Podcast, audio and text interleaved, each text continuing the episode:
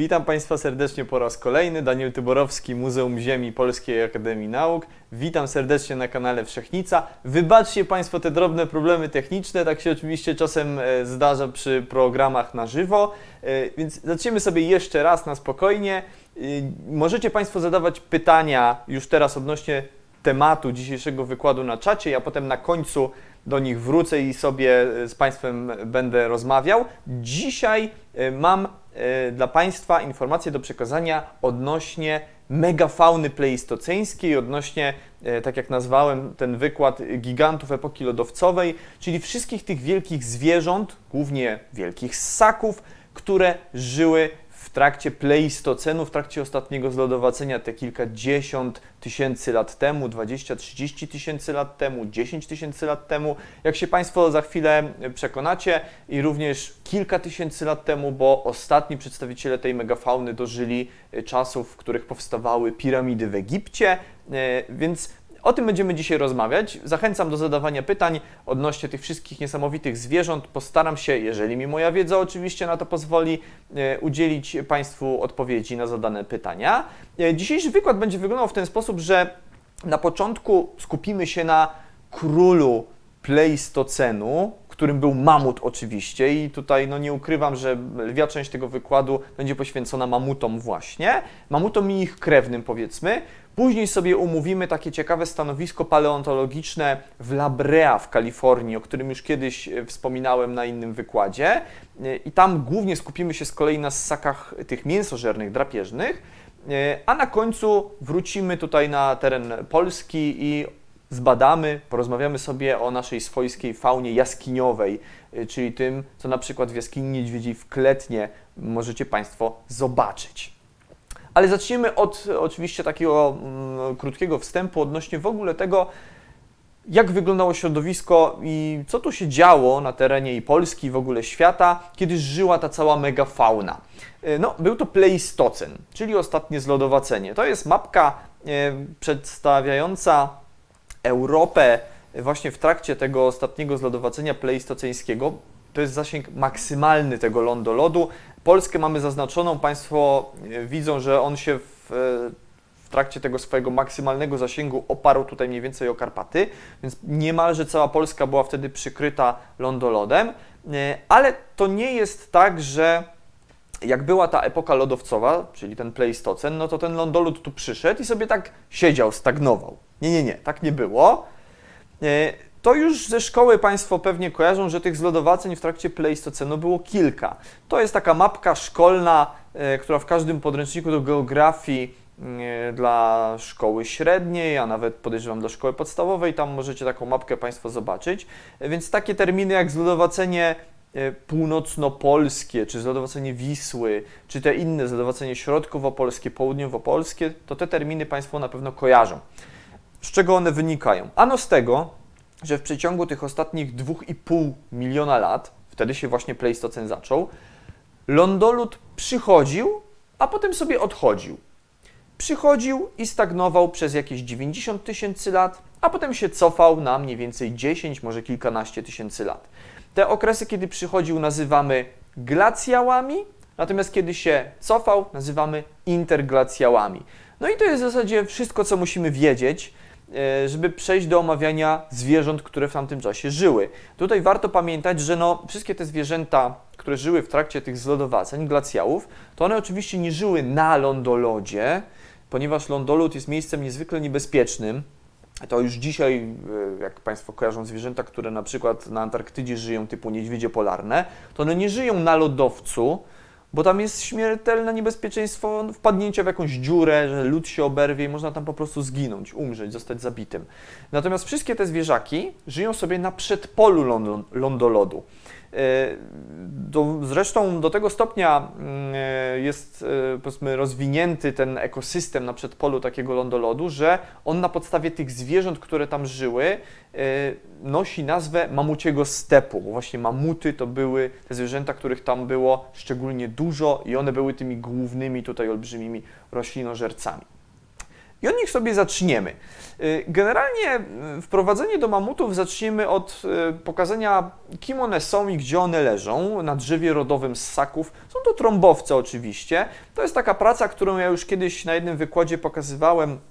e, Plansza z pracy e, Lara Mendiego, e, pokazująca różne kopalne trąbowce. Od jakichś absolutnie dziwnych, jak tutaj po lewej stronie mamy typu jakichś deinoteriów czy, czy innych, mamy mastodonty, e, takie z bardzo długimi, e, lekko tylko wygiętymi ciosami, no a po e, prawej stronie mamy mamuty. I tutaj e, muszę wspomnieć o czymś, o którym już kiedyś mówiłem, ale dla porządku muszę to Państwu teraz przypomnieć. E, Jest pewne zamieszanie, jeśli idzie o nazwy polskie i łacińskie tych zwierząt. Jak Państwo się przyjrzycie tej planszy, to mamy tutaj zwierzaki podpisane słowem mamut po lewej stronie, a po prawej podpisane nazwą mamutus. I to są nazwy łacińskie. E, To, co po łacińsku nazywa się mamut, czyli to, co widzimy tutaj po lewej stronie, po polsku nazywa się mastodontem. Czyli mamut po łacińsku to po polsku mastodont. Natomiast to, co po łacińsku nazywa się mamutus, po polsku jest mamutem. Więc jest tutaj trochę takie pomieszanie z poplątaniem, jeśli idzie o te nazwy. Y, Mamuty żyły w Eurazji, w tym w Polsce, natomiast mastodonty żyły tylko w Ameryce, w Amerykach generalnie. Powiedzmy sobie tutaj dla uproszczenia, że w Ameryce Północnej. Wyglądały inaczej, tutaj już po tych pokrojach Państwo widzą, że generalnie miały trochę inny kształt ciała, inny kształt głowy, ciosy wyglądały inaczej. To wynika z tego, że one żyły w różnych środowiskach i żywiły się różnym rodzajem pokarmu, do czego później wrócimy. I tutaj y, teraz chciałbym, żebyśmy się skupili na tej planszy po prawej stronie, gdzie mamy mamutus, czyli mamuty. Y, Dwa takie główne gatunki tu są pokazane. Na górze jest mamutus kolumbii, czyli mamut kolumbijski. To taki olbrzymi, w zasadzie goły trochę jak dzisiejsze słonie afrykańskie, gatunek mamuta, żyjący w Ameryce Północnej, taki olbrzymi, żył powiedzmy na- w tej zachodniej części Stanów Zjednoczonych. Y, Natomiast na dole mamy mamutus primigenius i to jest ten nasz swojski mamut euroazjatycki. I co ciekawe, widzimy, że on, ten mamutus primigenius, czyli mamut włochaty po prostu, miał dwie morfy, występował w jakby dwóch odmianach. Była odmiana europejska, która była trochę większa, wielkości powiedzmy słonia afrykańskiego i morfa ta azjatycka czy syberyjska, ta, która żyła na dalekiej Syberii, ona była trochę mniejsza, wielkości powiedzmy słonia indyjskiego. Zatem mamut włochaty y, przyjmował inne rozmiary w różnych częściach świata. Tutaj w Europie, w Polsce mógł być nieco większych rozmiarów, natomiast w Azji, na Syberii było to zwierzę troszkę mniejsze, ale ciągle imponujące, Państwo przyznacie. Y, No, mamuty były wielkie. Tutaj znowu mamy na górze y, mamutus trogonteri. To jest po polsku y, mamut stepowy i tego mamuta stepowego uznaje się za przodka właśnie mamutus primigenius, czyli mamuta włochatego. Na dole natomiast mamy słonia leśnego paleoloxodon, który z kolei żył w tych ciepłych epokach przed ostatnim zlodowaceniem w tych właśnie interglacjałach. W czasie ostatniego interglacjału również w Polsce takie słonie leśne żyły. Ale my się dzisiaj skupimy na tych zimnolubnych zwierzętach, właśnie zaczniemy sobie od mamutów. Y, Tu mamy drzewo rodowe trąbowców, takie dosyć uproszczone.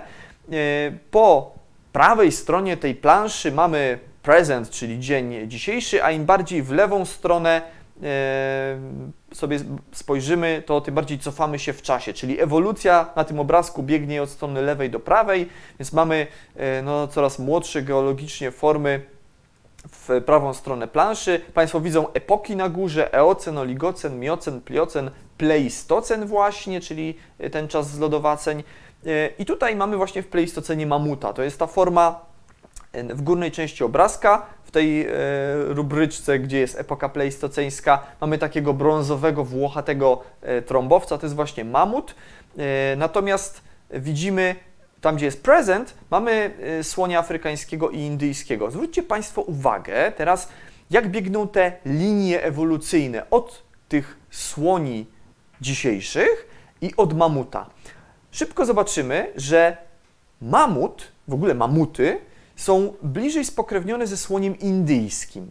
Z tym, który ma mniejsze ciosy, mniejsze uszy, widzimy, że one się gdzieś oddzieliły od siebie, mamuty i słonie indyjskie w pliocenie, czyli przed pleistocenem. Natomiast linia e, ta, e, której e, członkiem jest słoń afrykański, ona się wydzieliła dużo wcześniej, gdzieś na pograniczu miocenu i pliocenu. Co z tego wynika? No to, że dzisiaj, dzisiejszy słoń indyjski jest dużo bliżej spokrewniony z mamutem niż ze słoniem afrykańskim. A niby no, te dzisiejsze słonie są, tak by ktoś mógł przynajmniej sądzić, dość podobne do siebie. E, No, mają między sobą wiele różnic, należą w ogóle do dwóch zupełnie różnych rodzajów, bo słoń afrykański to jest po łacińsku loxodonta, słoń indyjski to jest elephas, mamut to jeszcze inny rodzaj, właśnie mamutus, ale no z badań takich ewolucyjnych i genetycznych, bo mamy DNA mamutów, jak zaraz Państwo zobaczą, zachowane niekiedy, no to wiemy, że e, rzeczywiście z badań genetycznych wynika, że mamuty faktycznie ze słoniami indyjskimi są dużo bliżej spokrewnione niż ze słoniem afrykańskim. E, krótko chciałem przedstawić Państwu takie najważniejsze przystosowania, e, adaptacje takie mamutów do środowiska, w którym żyły. One żyły na przedpolu tego lądolodu, więc było tam zimno. To była taka stepotundra, e, więc raczej tam nie było drzew za wielu, wolały otwarte tereny e, i ten cały ekosystem, tą właśnie stepotundrę, która rozwijała się na przedpolu takiego lądolodu, nazywa się mamucim stepem. Właśnie dlatego, że to mamut był głównym tutaj, powiedzmy, takim no, największym, najbardziej emblematycznym, ale i niezwykle licznym przedstawicielem megafauny pleistoceńskiej w tym środowisku i też zwierzęciem, które bardzo kształtowało to środowisko.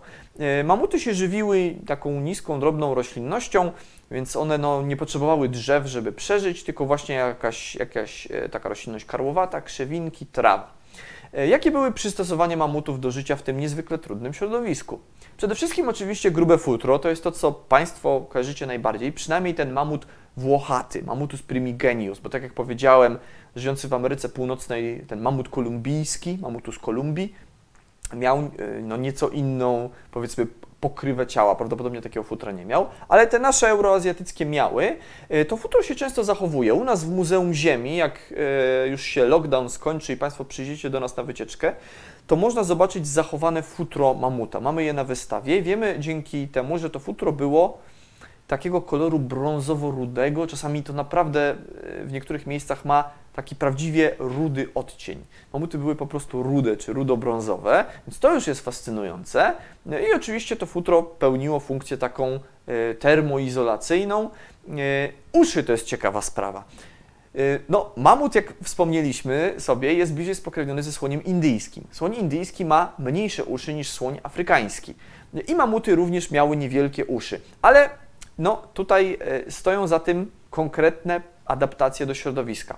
Słonie żyją w klimacie ciepłym, gorącym, suchym, e, są dużymi zwierzętami, więc mają te wielkie uszy, słonie afrykańskie, które służą im jako takie odprowadzacze ciepła, co za chwilę też sobie zobaczymy. No mamuty żyły w klimacie zupełnie innym, zimnym, e, było chłodno, również suchym, ale zimnym przede wszystkim, więc duże uszy sprawiałyby, że one, te zwierzęta, no, byłyby po prostu narażone na nadmierną utratę ciepła. A, więc uszy musiały być pomniejszone po prostu, żeby to ciepło magazynować. Natomiast moja ulubiona adaptacja mamutów do życia w tym mamucim stepie to są ich ciosy. Y, mamut ma ciosy, niektórzy mówią na to kły, ale jak zaraz Państwo zobaczą, to z kłami, takimi jak no, z kłami po prostu zębami, którymi są kły Mm, czy nasze, czy innych ssaków, to te ciosy nie mają nic wspólnego. Ciosy mamutów były mocno zagięte, wy, powykręcane i służyły jako pług. Tutaj jeszcze sobie zobaczymy takie porównanie mamuta włochatego i słonia afrykańskiego. Widzimy, że rzeczywiście ten mamut ma mocno wykręcone te ciosy, skoro one się żywiły jakąś roślinnością niską, krzewinkami, trawą, więc no, małymi roślinami, które w tym środowisku pleistoceńskim były przykrywane e, śniegiem. No tam padał śnieg po prostu i trzeba było jakoś do tej roślinności się dobrać. No to te ciosy były tak mocno wy, powyginane, żeby ten mamut mógł sobie nimi ten śnieg zgarniać. Po prostu no niczym pług ściągał śnieg ze swojego pokarmu. Tu też ładnie widzimy e, tą adaptację z uszami, prawda? Słoń afrykański ma te wielkie, takie wachlarzowate uszy, bo one też no, służą nie tylko jako e, taki po prostu odprowadzacz tego ciepła, ale e, tak po prostu, że sobie są, no tylko słoń może się nimi jeszcze dodatkowo ochładzać wachlując. Mamutom to było kompletnie do niczego niepotrzebne, bo żyły w takim środowisku, w takim klimacie, w jakim żyły. Teraz, kiedy mamy te podstawowe adaptacje mamutów omówione, no to przyjrzyjmy się im z bliska. Co te mamuty tam jeszcze miały? Tu mamy zdjęcie czaszki mamuta, e, również od nas z Muzeum Ziemi, więc też e, no, będziecie mogli Państwo sobie dokładnie tę czaszkę zbadać po zakończeniu e, tutaj apokalipsy. Będziecie mogli przyjść do nas do budynku i sobie ją dokładnie zobaczyć. To jest zdjęcie tej czaszki z przodu zrobione. Tak jakbyśmy stanęli przed tym mamutem. I pierwsza rzecz, na którą chcę, żebyście Państwo zwrócili uwagę, to to, co wystaje z przodu tej czaszki, mianowicie właśnie ciosy. Widzimy, jak te ciosy były zakorzenione w czaszce. Tu fragment kości z przodu y, czaszki u dołu jest zdjęty z jednej strony z tego y, lewego zęba, więc widzimy, gdzie on wyrastał. Co z tego wynika? No to proszę Państwa, że te ciosy mamucie to nie są żadne kły, jak się mówi, i słoń tak samo. Te długie ciosy właśnie słonia to nie są jego kły, to są, proszę Państwa, siekacze, czyli przednie zęby. Czyli te zęby, które mamy z przodu, u słoni i mamutów e, i generalnie trąbowców są przekształcone właśnie w takie długie, e, często w przypadku mamutów powykręcane ciosy. Więc to jest już pierwsza rzecz, którą chcę, żebyście Państwo zapamiętali. Ciosy mamuta to nie są żadne kły, tylko siekacze. A druga ciekawa sprawa, która z tej czaszki wynika, no to aż chcę się zapytać, po co, co to jest ten wielki otwór z przodu czaszki? I y, być może część z Państwa odpowiedziałaby, że to pewnie jest oczodół czy oczodoły.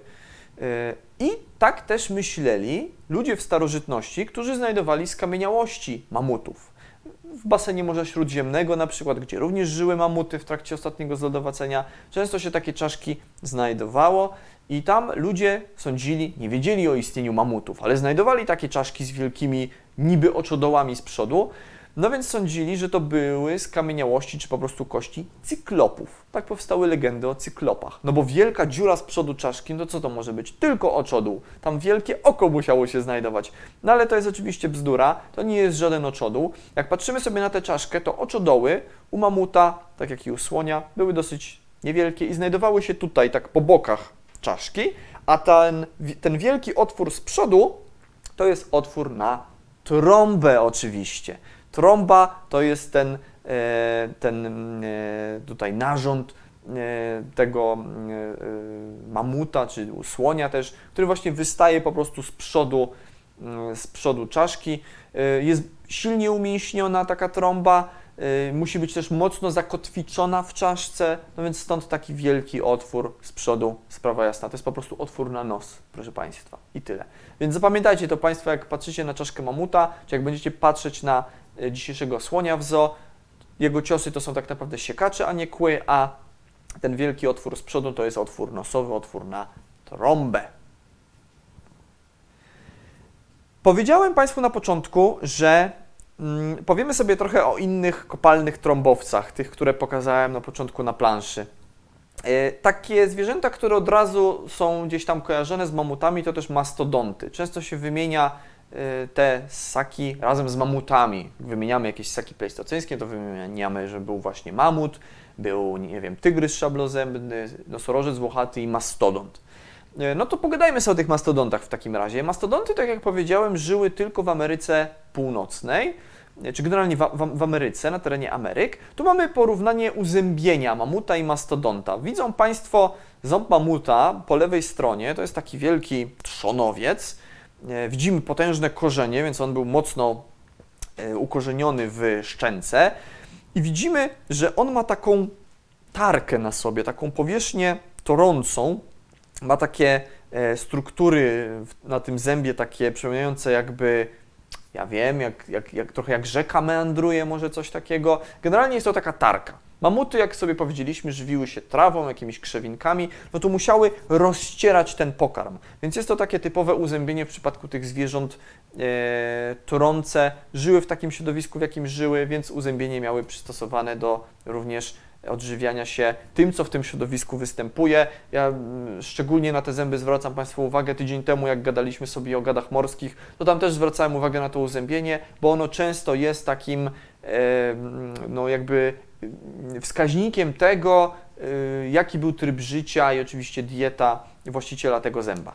Więc mamuty, mamuci step, niska roślinność, jakaś trawa, no to rozcieramy pokarm. Po prawej mamy ząb mastodonta i on już wygląda zupełnie inaczej, kompletnie nie przypomina zęba e, słoń, e, mamuta.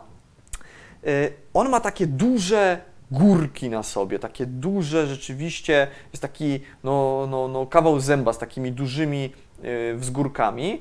On służył do odżywiania się zupełnie innym pokarmem. Teraz jak sobie porównamy czaszki mamuta i mastodonta. Mamuta mamy znowu po lewej stronie ekranu, mastodonta po prawej, no to widzimy to uzębienie, jak sobie wystaje. U mamuta mamy to trące, a u mastodonta jest to uzębienie z tymi e, takimi e, górkami.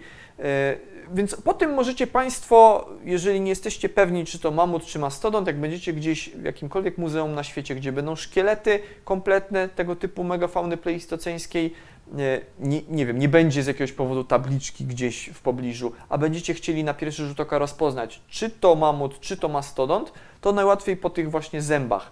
E, mastodont przez obecność tych guzków na zębach e, wydaje się mieć taki e, taki, taki memiczny charakter. On wygląda jakby się tak szczerzył śmiesznie, jakby robił taką głupią minę. Mamut jest dużo bardziej poważny przez to uzębienie. Natomiast mastodont to właśnie jak taka postać z kreskówki, jakby tak się trochę nabijał z kogoś.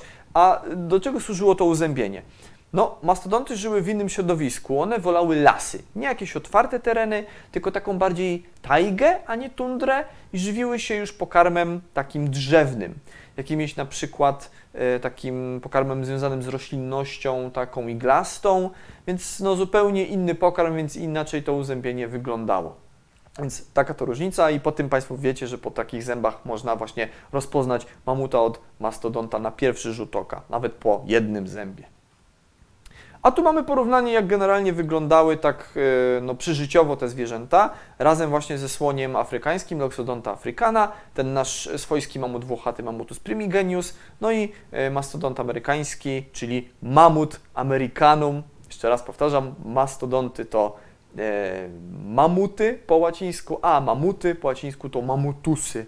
E, widzimy, że no, mamuty miały najbardziej wykręcone te ciosy i taki duży garb na plecach, no i tą czaszkę taką mocno wysklepioną.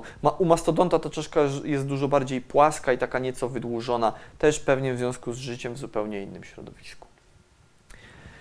Mamuty to były w ogóle niesłychane zwierzęta. E, my dużo o ich anatomii, o ich biologii wiemy na podstawie tkanek miękkich, które się zachowują. Ja Państwu e, niedawno opowiadałem o zachowywaniu się tkanek miękkich w tak zwanej wiecznej czy wieloletniej zmarzlinie. To jest ten słynny mamut z nadrzyki berezowki, e, gdzie się zachowały elementy części miękkich, skóra, trochę włosów. E, on jest oczywiście tutaj wystawiony mm, w Muzeum Zoologicznym w Sankt Petersburgu w takiej formie częściowo zrekonstruowanej. Ten przód tutaj czaszki, powiedzmy, to jest wszystko dorobione.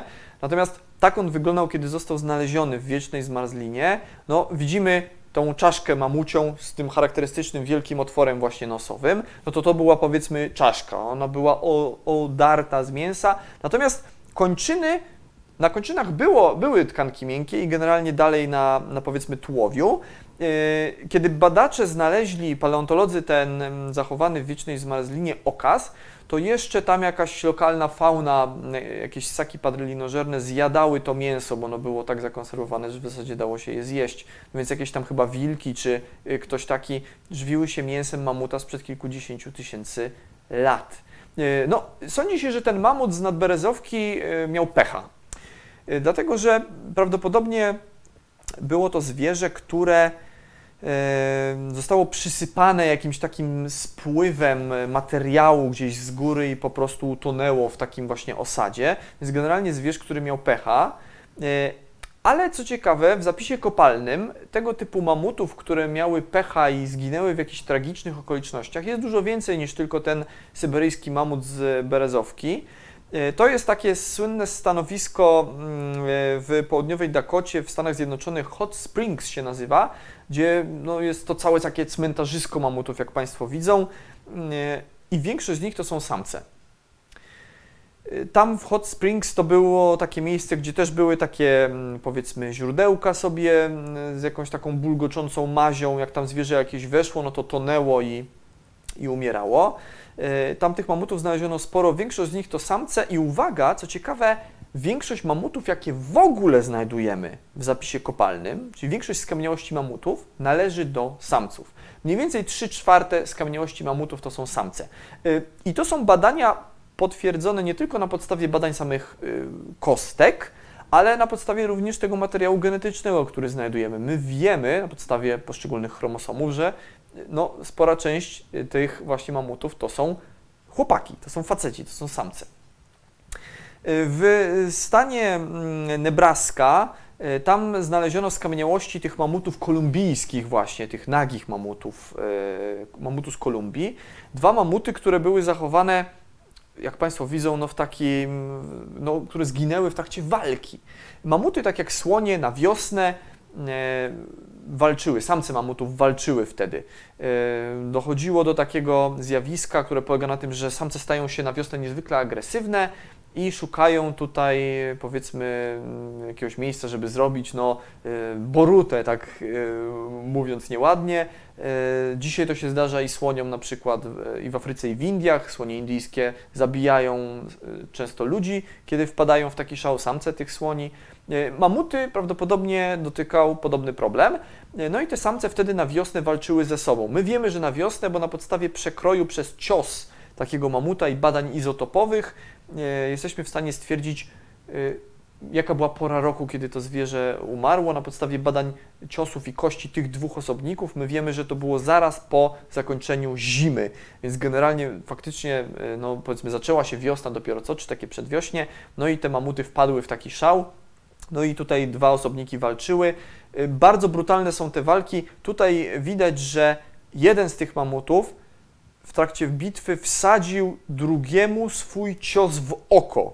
Czyli go tak dźgnął po prostu w oko. One prawdopodobnie gdzieś ugrzęzły w jakimś bajorze i też umarły dlatego. To jest taka rekonstrukcja paleośrodowiskowa, jak to sobie wyglądało. Ta Nebra Nebraska, powiedzmy, te tam y, kilkanaście, to było 12 tysięcy lat temu, zdaje się. E, no i widzimy, jak on wsadza mu ten cios w oko. E, no i tak jak mówię, większość tych mamutów to są właśnie samce w ogóle znajdowanych i to takie, które właśnie zginęły w jakichś takich dziwnych okolicznościach. Albo utonęły w jakiejś mazi, albo tutaj dwa osobniki walczyły i się jakby umarły w, w takiej walce, albo kogoś tam przysypało jakieś coś. No generalnie y, pecha miały te chłopaki. Z czego to wynika? Y, prawdopodobnie z tego właśnie, że samce, wiemy to po dzisiejszych słoniach, mamutów, y, czy generalnie trąbowców, no to zwierzęta takie raczej samotnicze. Samice żyją w stadach, u słoni, prawdopodobnie u mamutów też tak było, rządzi matriarchat. Jest po prostu matka, która rządzi całym stadem. Stado się składa z ciotek, jakichś kuzynek, E, i małych, e, powiedzmy, no, dziewczynek mamutów. Natomiast samce, jak dorosną, no to mają taki bardziej samotniczy tryb życia. Na wiosnę e, szukają tutaj, szykują się do bitki, potem szukają samicy. I generalnie samce są prawdopodobnie dużo bardziej takie ciekawskie, właśnie lgną do, do, do walki, więc prawdopodobnie to po prostu było tak, że no, samice mamutów, jak tylko gdzieś widziały coś podejrzanego, to mówiły, e, e, lepiej tam nie chodźmy, e, wolę zostać przy życiu, lepiej tam nie zaglądajmy, co tam jest, to mi wygląda podejrzanie. No a samce chłopaki mamutów, no to pewnie jeden do drugiego mówił po prostu, e, ej chłopaki, sprawdźmy, co tam jest, to wygląda ciekawie. No i to się kończyło tak, jak się właśnie kończyło. Mm, to jest ciekawy problem i daje dużo do myślenia dla paleontologa, bo mamy jakieś tam skamieniałości samic mamutów, no ale więcej jest samców. My wiemy, że był jakiś dymorfizm płciowy między samcami a samicami, czyli jakoś one różniły się między sobą, na przykład budową czy rozmiarami miednicy, e, ale że tych samic mamy dużo mniej, no to nie wiemy, jaki był stopień tego dymorfizmu. Jak bardzo samce i samice różniły się między sobą. Wiemy, że jakieś różnice były, ale e, nie znamy pełnej skali tych różnic, więc to daje dużo do myślenia dla paleontologa czy dla każdego zbieracza skamieniałości. Myślę, że warto w przypadku mamutów o tym właśnie, że większość ich skamieniałości to są samce, pamiętać.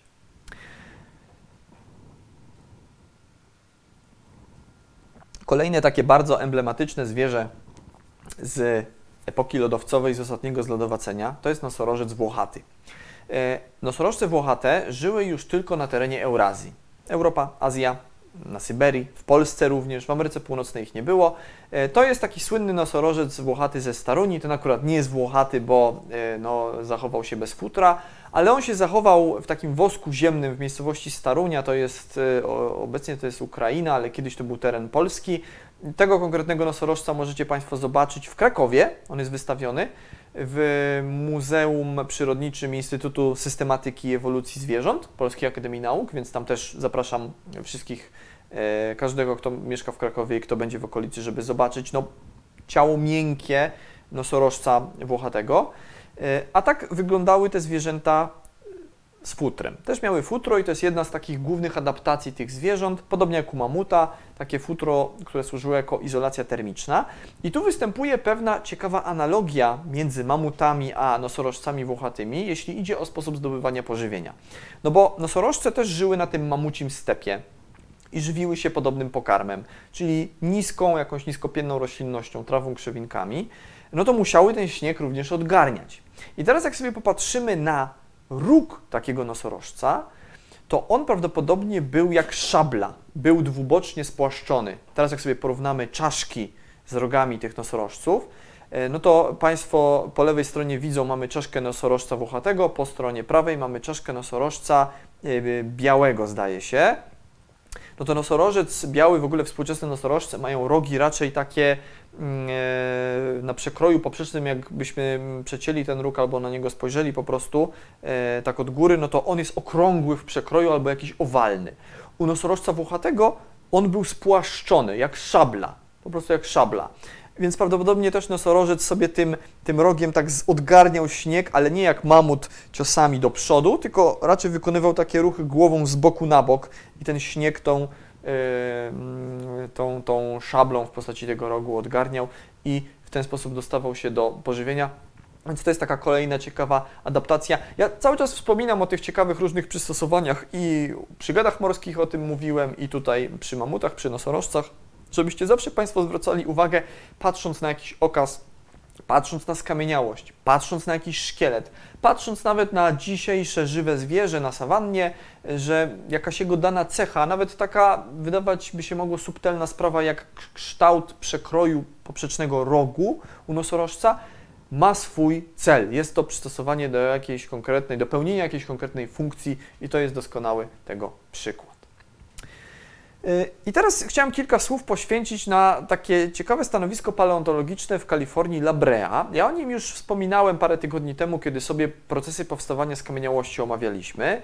To jest takie miejsce, gdzie występuje zespół takich y, wysięków błotnych, takich jezior asfaltowych, to się po angielsku tar pits nazywa.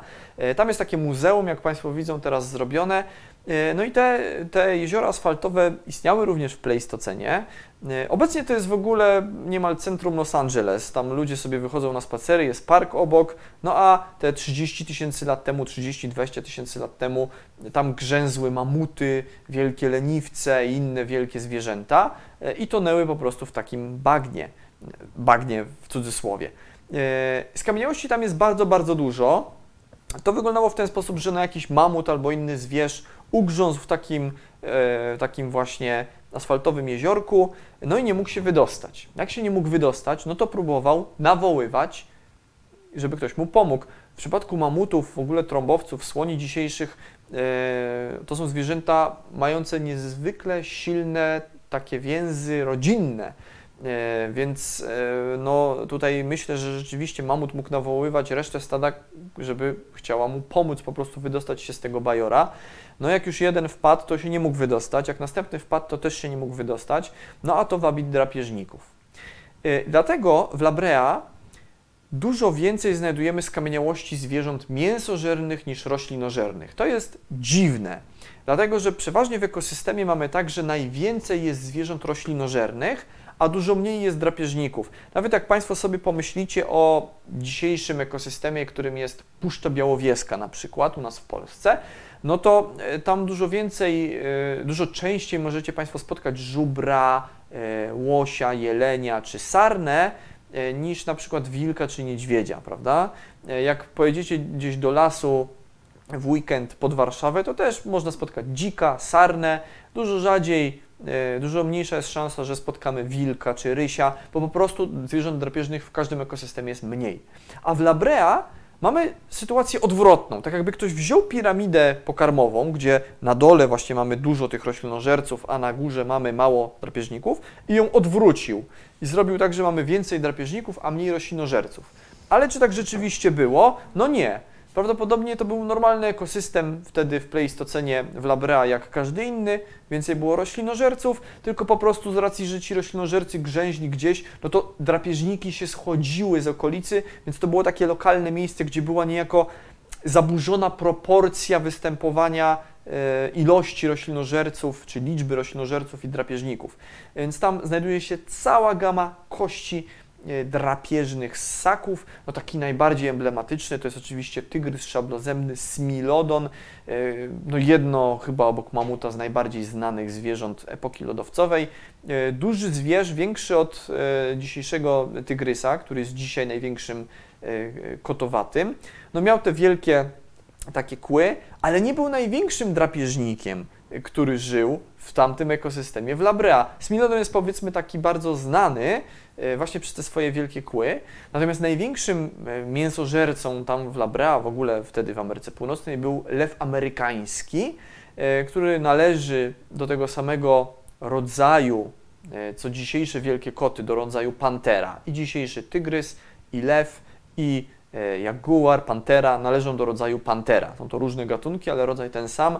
I tutaj lew amerykański to też był rodzaj e, pantera, duże zwierzę, większe od, e, od dzisiejszego lwa, większe od tygrysa, większe nawet od tego tygrysa szablozębnego. No widzimy te szczęki z tymi wielkimi zębami, łamaczami. Potężny, potężny drapieżnik. E, Nazywa się go lwem amerykańskim, chociaż e, z badań genetycznych wynika, że prawdopodobnie był dużo bliżej spokrewniony z jaguarem e, czy tygrysem niż właśnie z lwem. Natomiast tak jak powiedziałem, i e, jaguary, i, e, i lwy, i tygrysy to jest jeden rodzaj, więc no generalnie ciągle to jest gdzieś blisko, blisko siebie. Co ciekawe, dzisiaj jakbyście Państwo wzięli lwa i tygrysa, współczesne zwierzęta, i odarli je z tkanek miękkich, zostawili tylko szkielety, to bardzo trudno będzie dojść do tego, kto jest kim. To znaczy one pod względem osteologicznym, pod względem kośćca są do siebie bardzo, bardzo podobne. Różnią się głównie tymi tkankami miękkimi.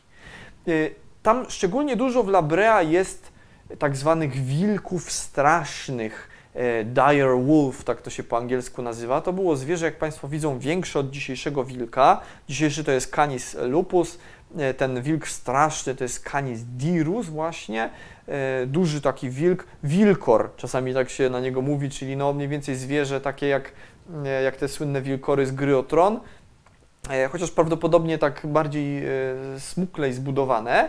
Ich jest tam na tyle sporo w Labrea, że w tym muzeum, które Państwu pokazywałem na początku, jest taka wilcza ściana. Tam tyle czaszek e, tych wilków strasznych znaleziono, że po prostu stworzono taką gablotę e, całą pokrytą czaszkami wilków. Tu Państwo ją widzicie. Wszędzie są głowy tych właśnie strasznych wilków z Labrea. Mm. Ale to nie jest tak, że w Labrea były same drapieżniki. Tam najwięcej skamieniałości rzeczywiście, jakie znaleziono, to są skamieniałości zwierząt mięsożernych, ale były tam i zwierzęta roślinożerne i to czasem takie zupełnie no, niekojarzące nam się z Ameryką Północną. E, No były powiedzmy bizony czy jakieś e, konie i, e, jeleniowate, ale były też antylopy, a nawet pra-wielbłądy. Czyli zwierzęta, których no dzisiaj my nie kojarzymy z Ameryką Północną, raczej tu powiedzmy z Azją czy Afryką, ale kiedyś rzeczywiście wielbłądy w Pleistocenie żyły e, na terenie Ameryki Północnej i żyły z jeszcze bardziej dziwnymi ssakami, np. wielkimi leniwcami czy pancernikami, o których dzisiaj akurat Państwu nie opowiem, bo po prostu czasu nam nie starczy, ale myślę, że kiedyś warto też będzie pogadać o tych mniej znanych, olbrzymich przedstawicielach megafauny pleistoceńskiej. E, I na koniec dzisiejszego spotkania chciałem kilka słów poświęcić na taką faunę naszą tutaj swojską, faunę dyluwialną, albo jak to się mówi po prostu po polsku, faunę jaskiniową. E, masę takich jaskiń pleistoceńskich mamy na terenie naszego kraju, gdzie się kości ssaków z ostatniego zlodowacenia zachowuje. W jaskiniach panują takie warunki, że tam jest mniej więcej stała temperatura tych kilkunastu stopni, więc jeżeli na zewnątrz mamy stepotundrę i jest mróz i śnieg, no to w takiej jaskini jest ciepło, stała temperatura e, i tam się akumulują osady, więc jak coś tam zdechnie, no to dużo e, powiedzmy tych kości ma szansę się tam zachować, więc na przykład w takiej jaskini niedźwiedziej koło Kletna jest piękny zapis kopalny różnych ssaków, głównie mięsożernych, bo tam mięsożercy głównie żyli. E, no oczywiście jas, e, niedźwiedzie jaskiniowe, od tego się wzięła nazwa jaskini niedźwiedziej. To jest takie zdjęcie, które zrobiłem w ubiegłym roku, będąc tam na wycieczce. Jest taka wystawka, jak się wejdzie e, na teren, powiedzmy, zanim się wejdzie do samej jaskini, to ta jaskinia jest z zewnątrz tak ładnie obudowana i można zobaczyć e, taką rekonstrukcję właśnie tego środowiska sprzed tych kilkudziesięciu tysięcy lat. Robi to wrażenie, jest wielki ten niedźwiedź jaskiniowy e, w starciu z lwem jaskiniowym, który był tutaj prawdopodobnie jednak tym głównym drapieżnikiem, tym królem tej jaskini. Niedźwiedź prawdopodobnie mu jednak ustępował pola, o czym zaraz. No a jak się Państwo przyjrzycie na to zdjęcie, to e, w prawym e, górnym rogu tam się czai na skalę również e, hiena jaskiniowa, bo takie zwierzęta również w Polsce żyły te kilkadziesiąt tysięcy lat temu. Hieny jaskiniowe szczególnie lubiły, one jakby miały też te łamacze zęby, te boczne mocno wykształcone.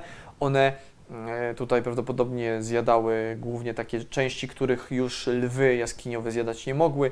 Kiedy lew, powiedzmy, raczej żywił się, przyciągał do jaskini to, co upolował na zewnątrz, jakiegoś jelenia bądź inne zwierzątko, to zjadał te części takie zasobne w białko, czyli powiedzmy no, mięśnie i wnętrzności. Hieny raczej żywiły się e, tym, czego inni mięsożercy zjeść nie mogli, czyli e, zjadały skórę, włosy, E, zjadały ścięgna, zjadały również kości czy kopyta.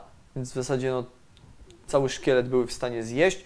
E, do tego stopnia tyle tego materiału zasobnego w wapnia hieny pozyskiwały, zresztą dzisiejsze hieny w Afryce robią podobnie, e, że odchody hien są tak na świeżo, są białe, bo po prostu tyle wapnia w sobie mają.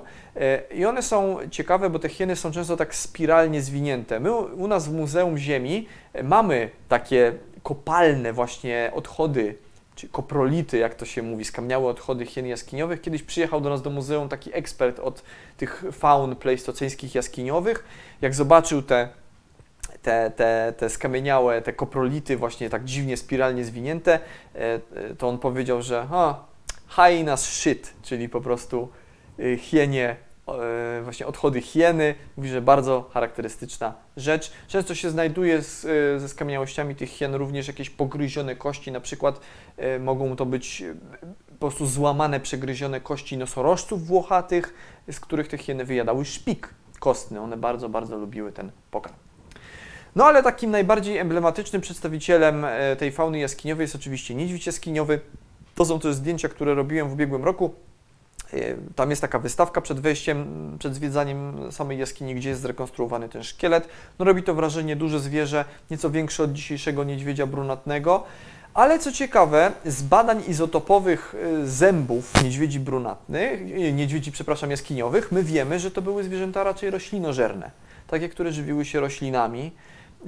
To już Państwu mówiłem w ubiegłym tygodniu, że na podstawie różnych pierwiastków, izotopów różnych pierwiastków ze szkliwa zębów, my jesteśmy w stanie stwierdzić, czym się żywił, jaka była biologia, fizjologia, ekologia właściciela tego zęba. W tym wypadku stwierdzono, że no, niedźwiedzie jaskiniowe głównie żywiły się jednak roślinami, a mięsem tylko urozmaicały sobie, sobie dietę, więc w sumie trochę podobnie jak dzisiejszy niedźwiedź brunatny. Mm, więc Państwo widzą, że ten temat tych izotopów w paleontologii wraca. E, już wiem, że pisaliście Państwo, że chcecie wykład o tym, więc e, obiecuję, że taki wykład za jakiś czas sobie zrobimy. E, tu jeszcze a propos tych niedźwiedzi jaskiniowych, mm, to tam w jaskini niedźwiedziej jest taka nawet sala, gdzie mm, jakby w Pleistocenie wiele tych niedźwiedzi spadło z wysokości, z jakiejś wyżej leżącej komnaty na dół jest chyba 8 czy 10 takich szkieletów niedźwiedzi jeden na drugim. Jeden, który jest najbliżej jakby ścieżki. E, widać, że jak spadł, to sobie tak skręcił kark, że głowa mu się okręciła o 180 stopni. Czyli szkielet tego niedźwiedzia jest tak prosto do zwiedzającego, ale głowa jest powiedzmy potylicą zwrócona.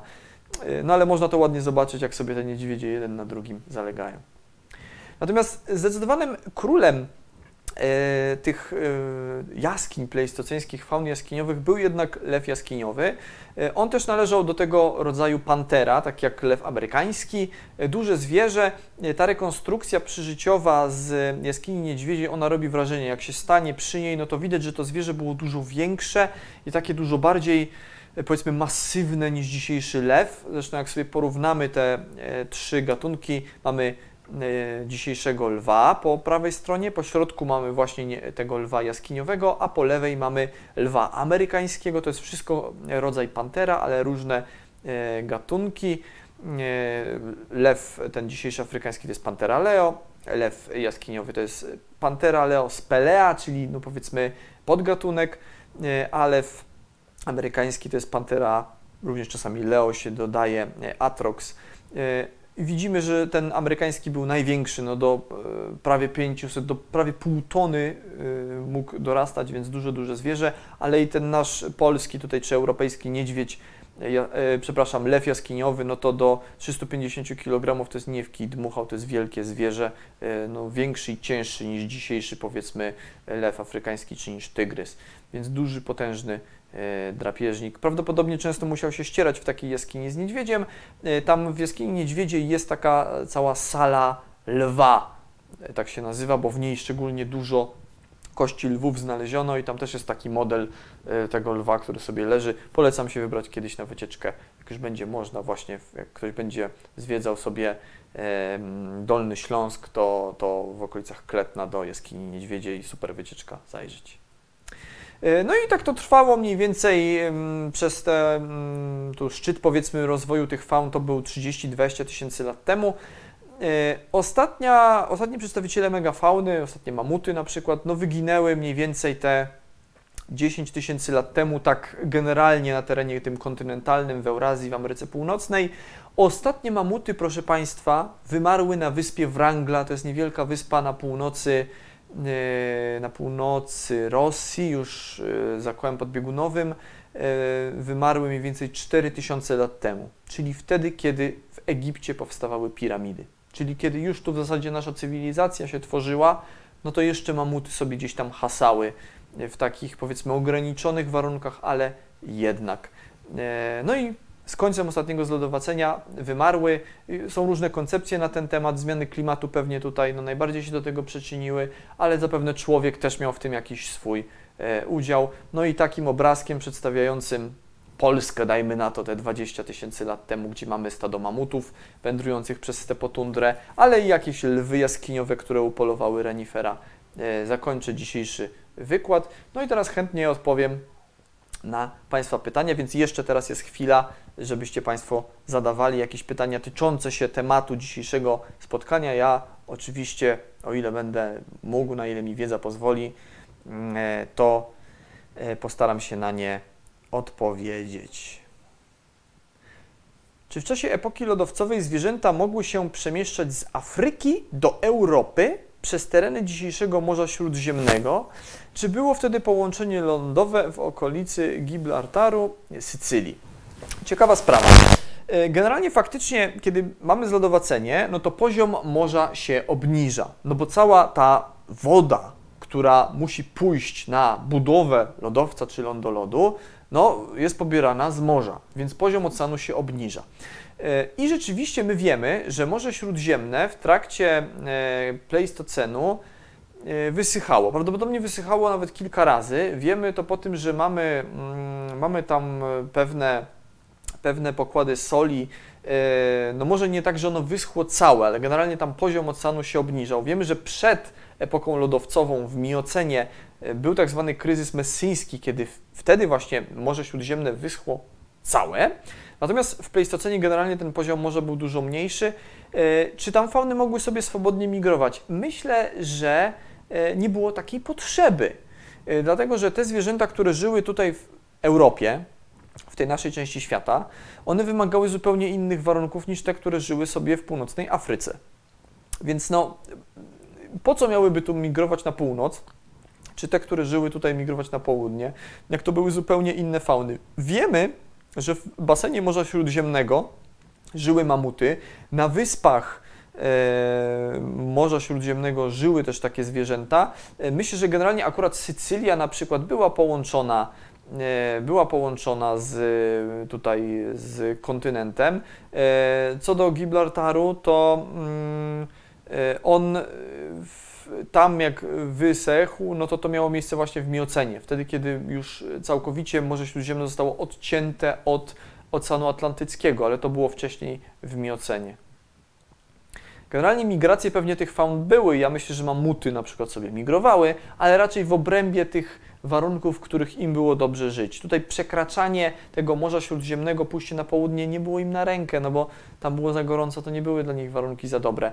Tutaj migracja powiedzmy po Europie i dalej y, w stronę Azji, no to bardziej wchodziło w grę, tutaj takich y, powiedzmy mm, y, fizycznych barier w postaci zbiorników wodnych dużych nie było.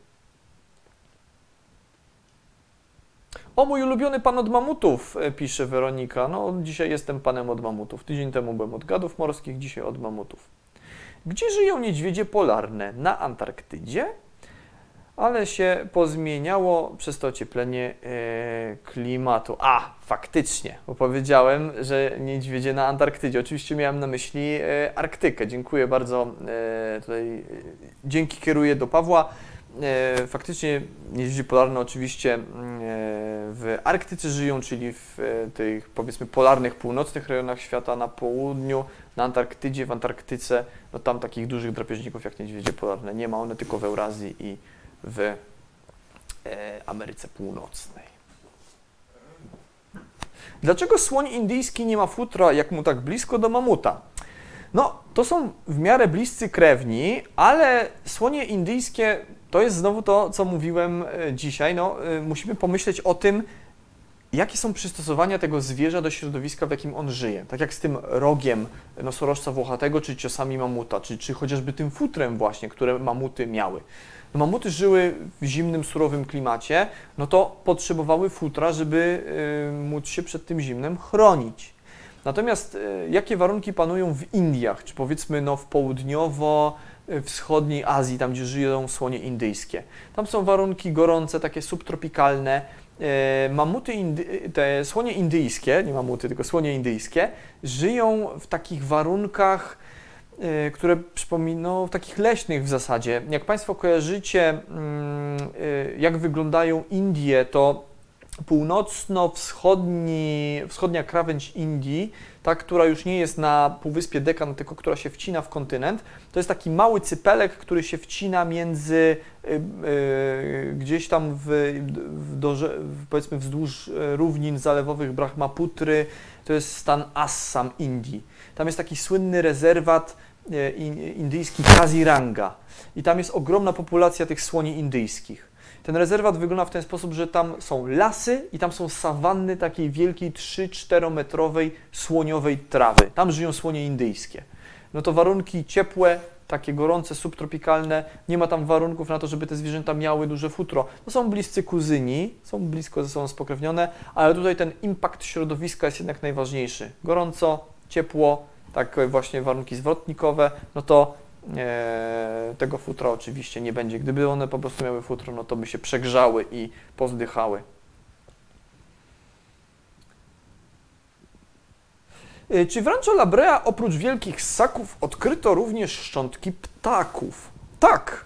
Y, Odkryto również szczątki ptaków. Tam wiem, że jest masa ptaków właśnie drapieżnych, takich padlinożernych. Zresztą na którejś planszy wcześniej, jak pokazywałem Państwu ten ekosystem, był martwy mamut, na nim był E, był, był, zdaje się, ten smilodon, tygrys szablozębny. Tam jakieś wilki chciały się do tego dobrać, ale była też grupka takich ptaków padlinożernych. Był jakiś chyba e, sęp, e, czy jakieś takie e, ptaki podobne do kondora, więc tego typu ptaki padlinożerne tam były znajdowane. Wiem, że te sępy czy kondory, które tam występowały, były też rzeczywiście trochę większe od tych dzisiejszych, więc były spore ptaki takie mięsożerne czy padlinożerne.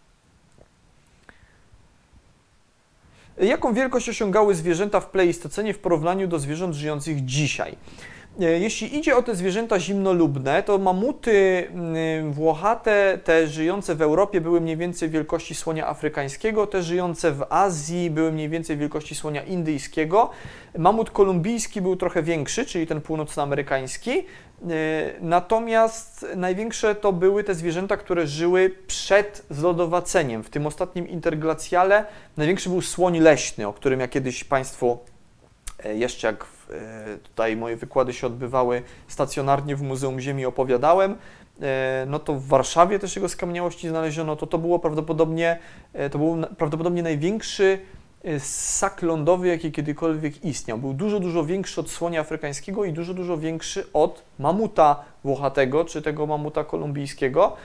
E, Natomiast on żył w tych ciepłych interglacjałach. Jeśli idzie o te zwierzęta zimnolubne z glacjału, z ostatniego zlodowacenia, no to największe mamuty, no to myślę tak jak słoń afrykański, te kolumbijskie może, może trochę większe. E, No, generalnie widzicie Państwo, że tam była tendencja do zwiększania tych rozmiarów. Te drapieżniki były większe, e, bo i lwy były większe od dzisiejszych lwów, wilki były większe, były te wielkie leniwce. Dlatego to się nazywa megafauna, proszę Państwa. Dzisiaj można powiedzieć, że słonie indyjskie, afrykańskie, nosorożce to też jest megafauna, no tylko taka, która po prostu przetrwała do czasów dzisiejszych. W jaki sposób koty szablozębne używały swoich kłów, e, aby ich nie złamać? E, Polowanie u kotowatych e, wygląda w ten sposób, e, u takich dużych kotów powiedzmy, że one, na przykład lwy w takich rodzinnych stadach czatują sobie gdzieś na ofiarę, podkradają się do stada antylop czy zebr i nagle rzucają się na taką ofiarę, próbują ją przytrzymać do ziemi, po prostu no takiej, taka grupa, nie wiem, czterech, pięciu lwic, jak się rzuca na, na bawoła, no to swoim ciężarem chcą go przytrzymać i jedna z samic rzuca się tutaj do gardła i po prostu zębami przecina te części miękkie. Więc e, prawdopodobnie no, e, smilodony, koty szablozębne generalnie musiały uważać z tymi zębami, bo to rzeczywiście był element e, no, taki widowiskowy, niebezpieczny, ale z drugiej strony faktycznie podatny na złamanie, ale myślę, że one atakowały podobnie. Tutaj e, atakowały te części miękkie i e, przegryzały krtań. E, Więc myślę, że one nie używały tych zębów do, nie wiem, przebijania kości czy, czy czaszek. E, Do tego raczej służyły, służą u ssaków drapieżnych te zęby łamacze, które były z boku, E, chociaż tak jak powiedziałem, te kotowate raczej się tego typu pokarmem nie żywią, one wolą te części takie białkowe, mięśnie i wnętrzności, no a same kły to mówię, do rozcinania tutaj tchawicy.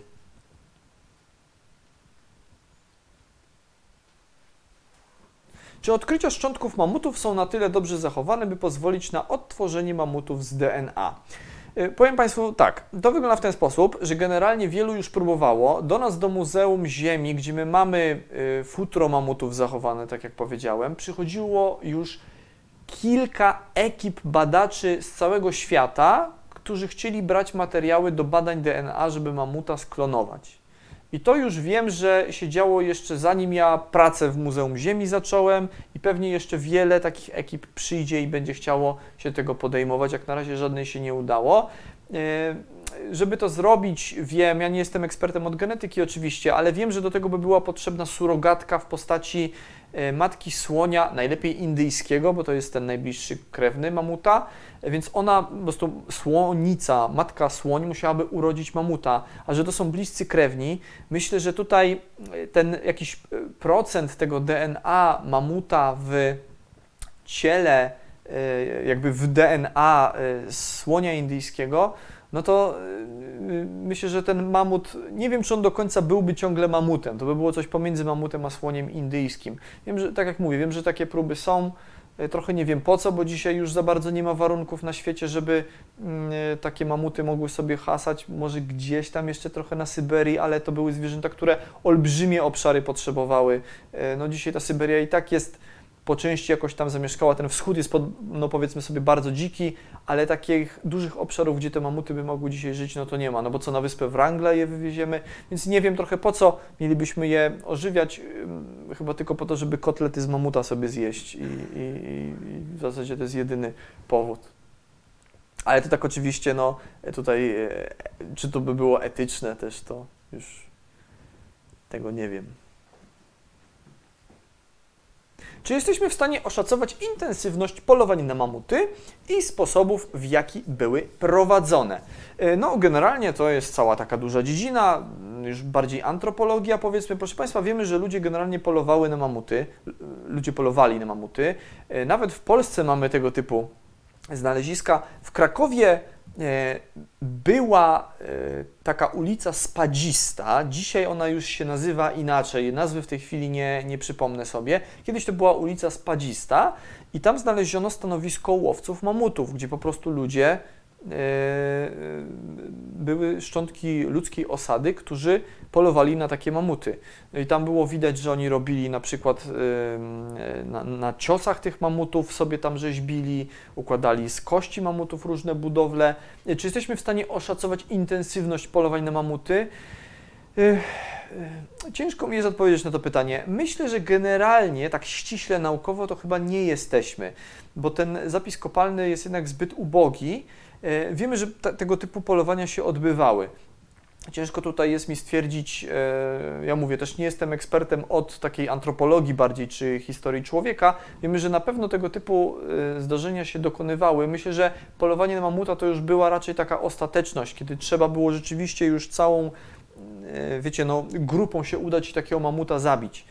Natomiast jaka jest intensywność tak ściśle naukowo, ile na całej Ziemi ludzi polowało na te mamuty, no to ciężko jest mi tu stwierdzić. Nie wiem, czy w ogóle takie badania były prowadzone.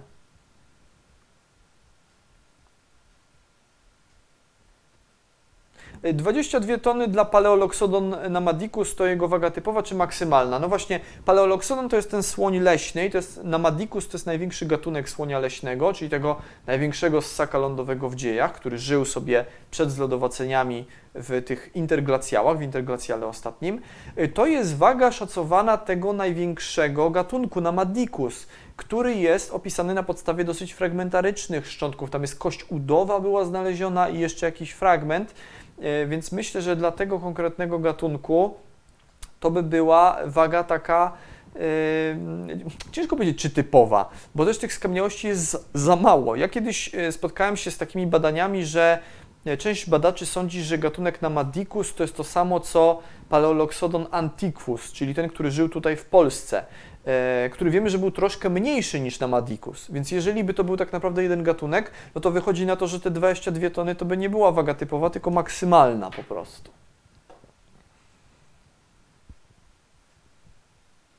Mamuty miały dłuższe i bardziej masywne przednie nogi niż tylne. Czy ich chód różnił się od chodu dzisiejszych słoni? Y, Myślę, że nie. Myślę, że był podobny jak dzisiejsze słonie afrykańskie. Raczej faktycznie one miały taką postawę trochę, że bardziej te przednie kończyny były dłuższe niż tylne. Y, I z tego co kojarzę, raczej ich chód przypominał chód słonia, powiedzmy, afrykańskiego. Czy polscy naukowcy współpracują z rosyjskimi, na przykład w badaniach na Syberii? E, Permafrost. Oszacowo ostatnio odkryto bardzo dobrze zachowane szczenie wilka sprzed 18 tysięcy lat. Tak, rzeczywiście znaleziono takie, mm, zresztą nie tylko szczenie, ale tam i całą głowę takiego właśnie wielkiego wilka gdzieś na Syberii w wiecznej zmarzlinie. Czy polscy naukowcy współpracują? E, Wiem, że u nas w Polsce takim głównym ośrodkiem zajmującym się megafauną pleistoceńską, tymi ssakami pleistoceńskimi, jest Uniwersytet Wrocławski. E, I tam e, jest zakład paleozoologii, którym kieruje pan profesor e, Krzysztof Stefaniak. E, I oni się zajmują tymi różnymi wielkimi ssakami właśnie. Między innymi oni badali te ssaki z jaskini niedźwiedziej również. E, Teraz wiem, że zajmują się takim nosorożcem znalezionym niedaleko Gorzowa Wielkopolskiego. E, I wiem, że pan profesor Stefaniak odbywa regularne wycieczki właśnie do Rosji i tam e, wiem, że prowadzi chyba jakieś wykłady i chyba współpracuje z częścią badaczy, więc, więc tak, tak. Myślę, że tak. Wiem, że e, są badacze z Instytutu Nauk Geologicznych Polskiej Akademii Nauk, e, którzy się zajmują też tymi skamieniałościami z ssaków jaskiniowych, e, którzy prowadzą badania E, Zdaje się, że właśnie na Syberii, tutaj powiedzmy w tej bardziej azjatyckiej części Rosji, więc, więc tak, tak, są tacy badacze w Polsce, którzy to robią, tak jak mówię, właśnie we Wrocławiu to będzie pan profesor Stefaniak e, z zespołem, e, ale i badacze tutaj z Warszawy, z Instytutu Nauk Geologicznych e, również.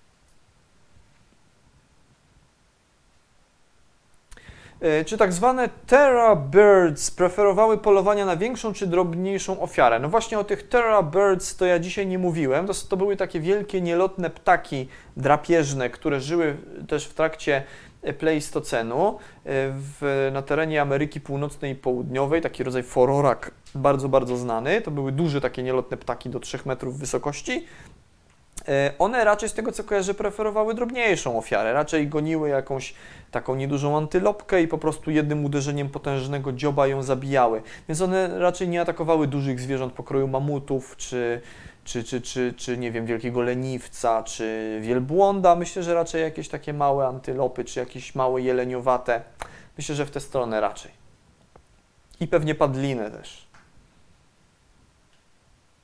Jak długo trwa proces identyfikacji znalezionych szczątków? Ha, to jest cała historia. Bardzo różnie to wygląda. To zależy oczywiście od tego, jakie to są szczątki. Trzymając się tych szczątków pleistoceńskich z ostatniego zlodowacenia, e, no to też oczywiście zależy, jakie to są szczątki. Proszę Państwa, do nas do muzeum często, szczególnie latem, kiedy jest niski poziom Wisły, zgłaszają się ludzie, którzy znajdują na przykład zęby czy jakieś kości z ssaków pleistoceńskich znalezione nawet w Warszawie, e, w w okolicach Wisły. Jak Państwo się udacie na wycieczkę gdzieś na południe od Warszawy, na przykład na, w teren, w rejon Kępy Zawadowskiej, tam takie wielkie łachy się odsłaniają, tam można masę kości tych ssaków pleistoceńskich znaleźć. E, No i to oczywiście zależy od tego, jaka to jest e, część szkieletu. Jeżeli będzie to ząb, no, no to zęby są bardzo diagnostyczne, jak już Państwo po paru moich wykładach wiedzą, więc ząb mamuta będziemy w stanie bardzo łatwo zidentyfikować. E, jakieś kości, na przykład ząb nosorożca, myślę też, ale będą inne elementy, mm, które będą bardziej problematyczne. Państwo kojarzycie tego słonia z metra ze stacji Płocka, e, który został już okrzyknięty, że to słoń leśny. Tam były fragmenty miednicy, e, po których tak naprawdę my nie wiemy, czy to był słoń leśny, czy może mamut. Tutaj akurat nie jesteśmy tego pewni, więc to też zależy od tego, jakie to są elementy szkieletu. No dobrze, będziemy, moi drodzy, zbliżali się do końca. Jest jeszcze chwilka, żeby zadać jakieś ostatnie pytanie lub dwa. E, W międzyczasie ja oczywiście zapraszam na wykład za tydzień o godzinie 18 tradycyjnie. E, Wykład za tydzień będzie się tyczył bardzo ciekawego tematu, mianowicie zachowaniu kolorów w zapisie kopalnym, więc porozmawiamy sobie o tym, e, skąd my tak naprawdę wiemy, że wymarłe zwierzęta miały taki kolor, a nie inny i czy na pewno to wiemy i kiedy to wiemy, jeśli już to wiemy. E, No i co z tego tak naprawdę wynika i, i jak to się dzieje, że ten kolor jest w ogóle w stanie przetrwać miliony lat w skałach? No i czy te kolory, które mają skamieniałości, jakieś muszelki dzisiejszych zwierząt, to są te rzeczywiste kolory, które miały te zwierzęta, czy jakieś inne? No bo czasami się znajduje bardzo barwne, e, barwnie umaszczone skamieniałości. O tym wszystkim pogadamy sobie już za tydzień. E, Ja teraz czytam ostatnie pytania. Czy dinozaury miały futro? No takie futro jak ssaki to nie. Niektóre miały coś w rodzaju takiego protofutra, nazwijmy się takiej okrywy przypominającej trochę takie futro. Niektóre dinozaury miały coś takiego, ale, ale e, to, nie, to nie było takie futro, tak jak mówię, mm, ssacze. No dobrze. E, O megalodonie, e, żebym powiedział. Czy mógł przetrwać do naszych czasów? Oczywiście, że nie. Megalodon wielki rekin do dzisiaj na pewno by nie mógł przetrwać. E, I tym mało optymistycznym akcentem, a może optymistycznym dla niektórych, żegnam się z Państwem. Dziękuję za dzisiaj. E, Wybaczcie Państwo te drobne problemy techniczne. E, Kłaniam się w pas. Daniel Tyborowski, Muzeum Ziemi Polskiej Akademii Nauk. Do zobaczenia, do widzenia z paleontologicznym pozdrowieniem. Cześć.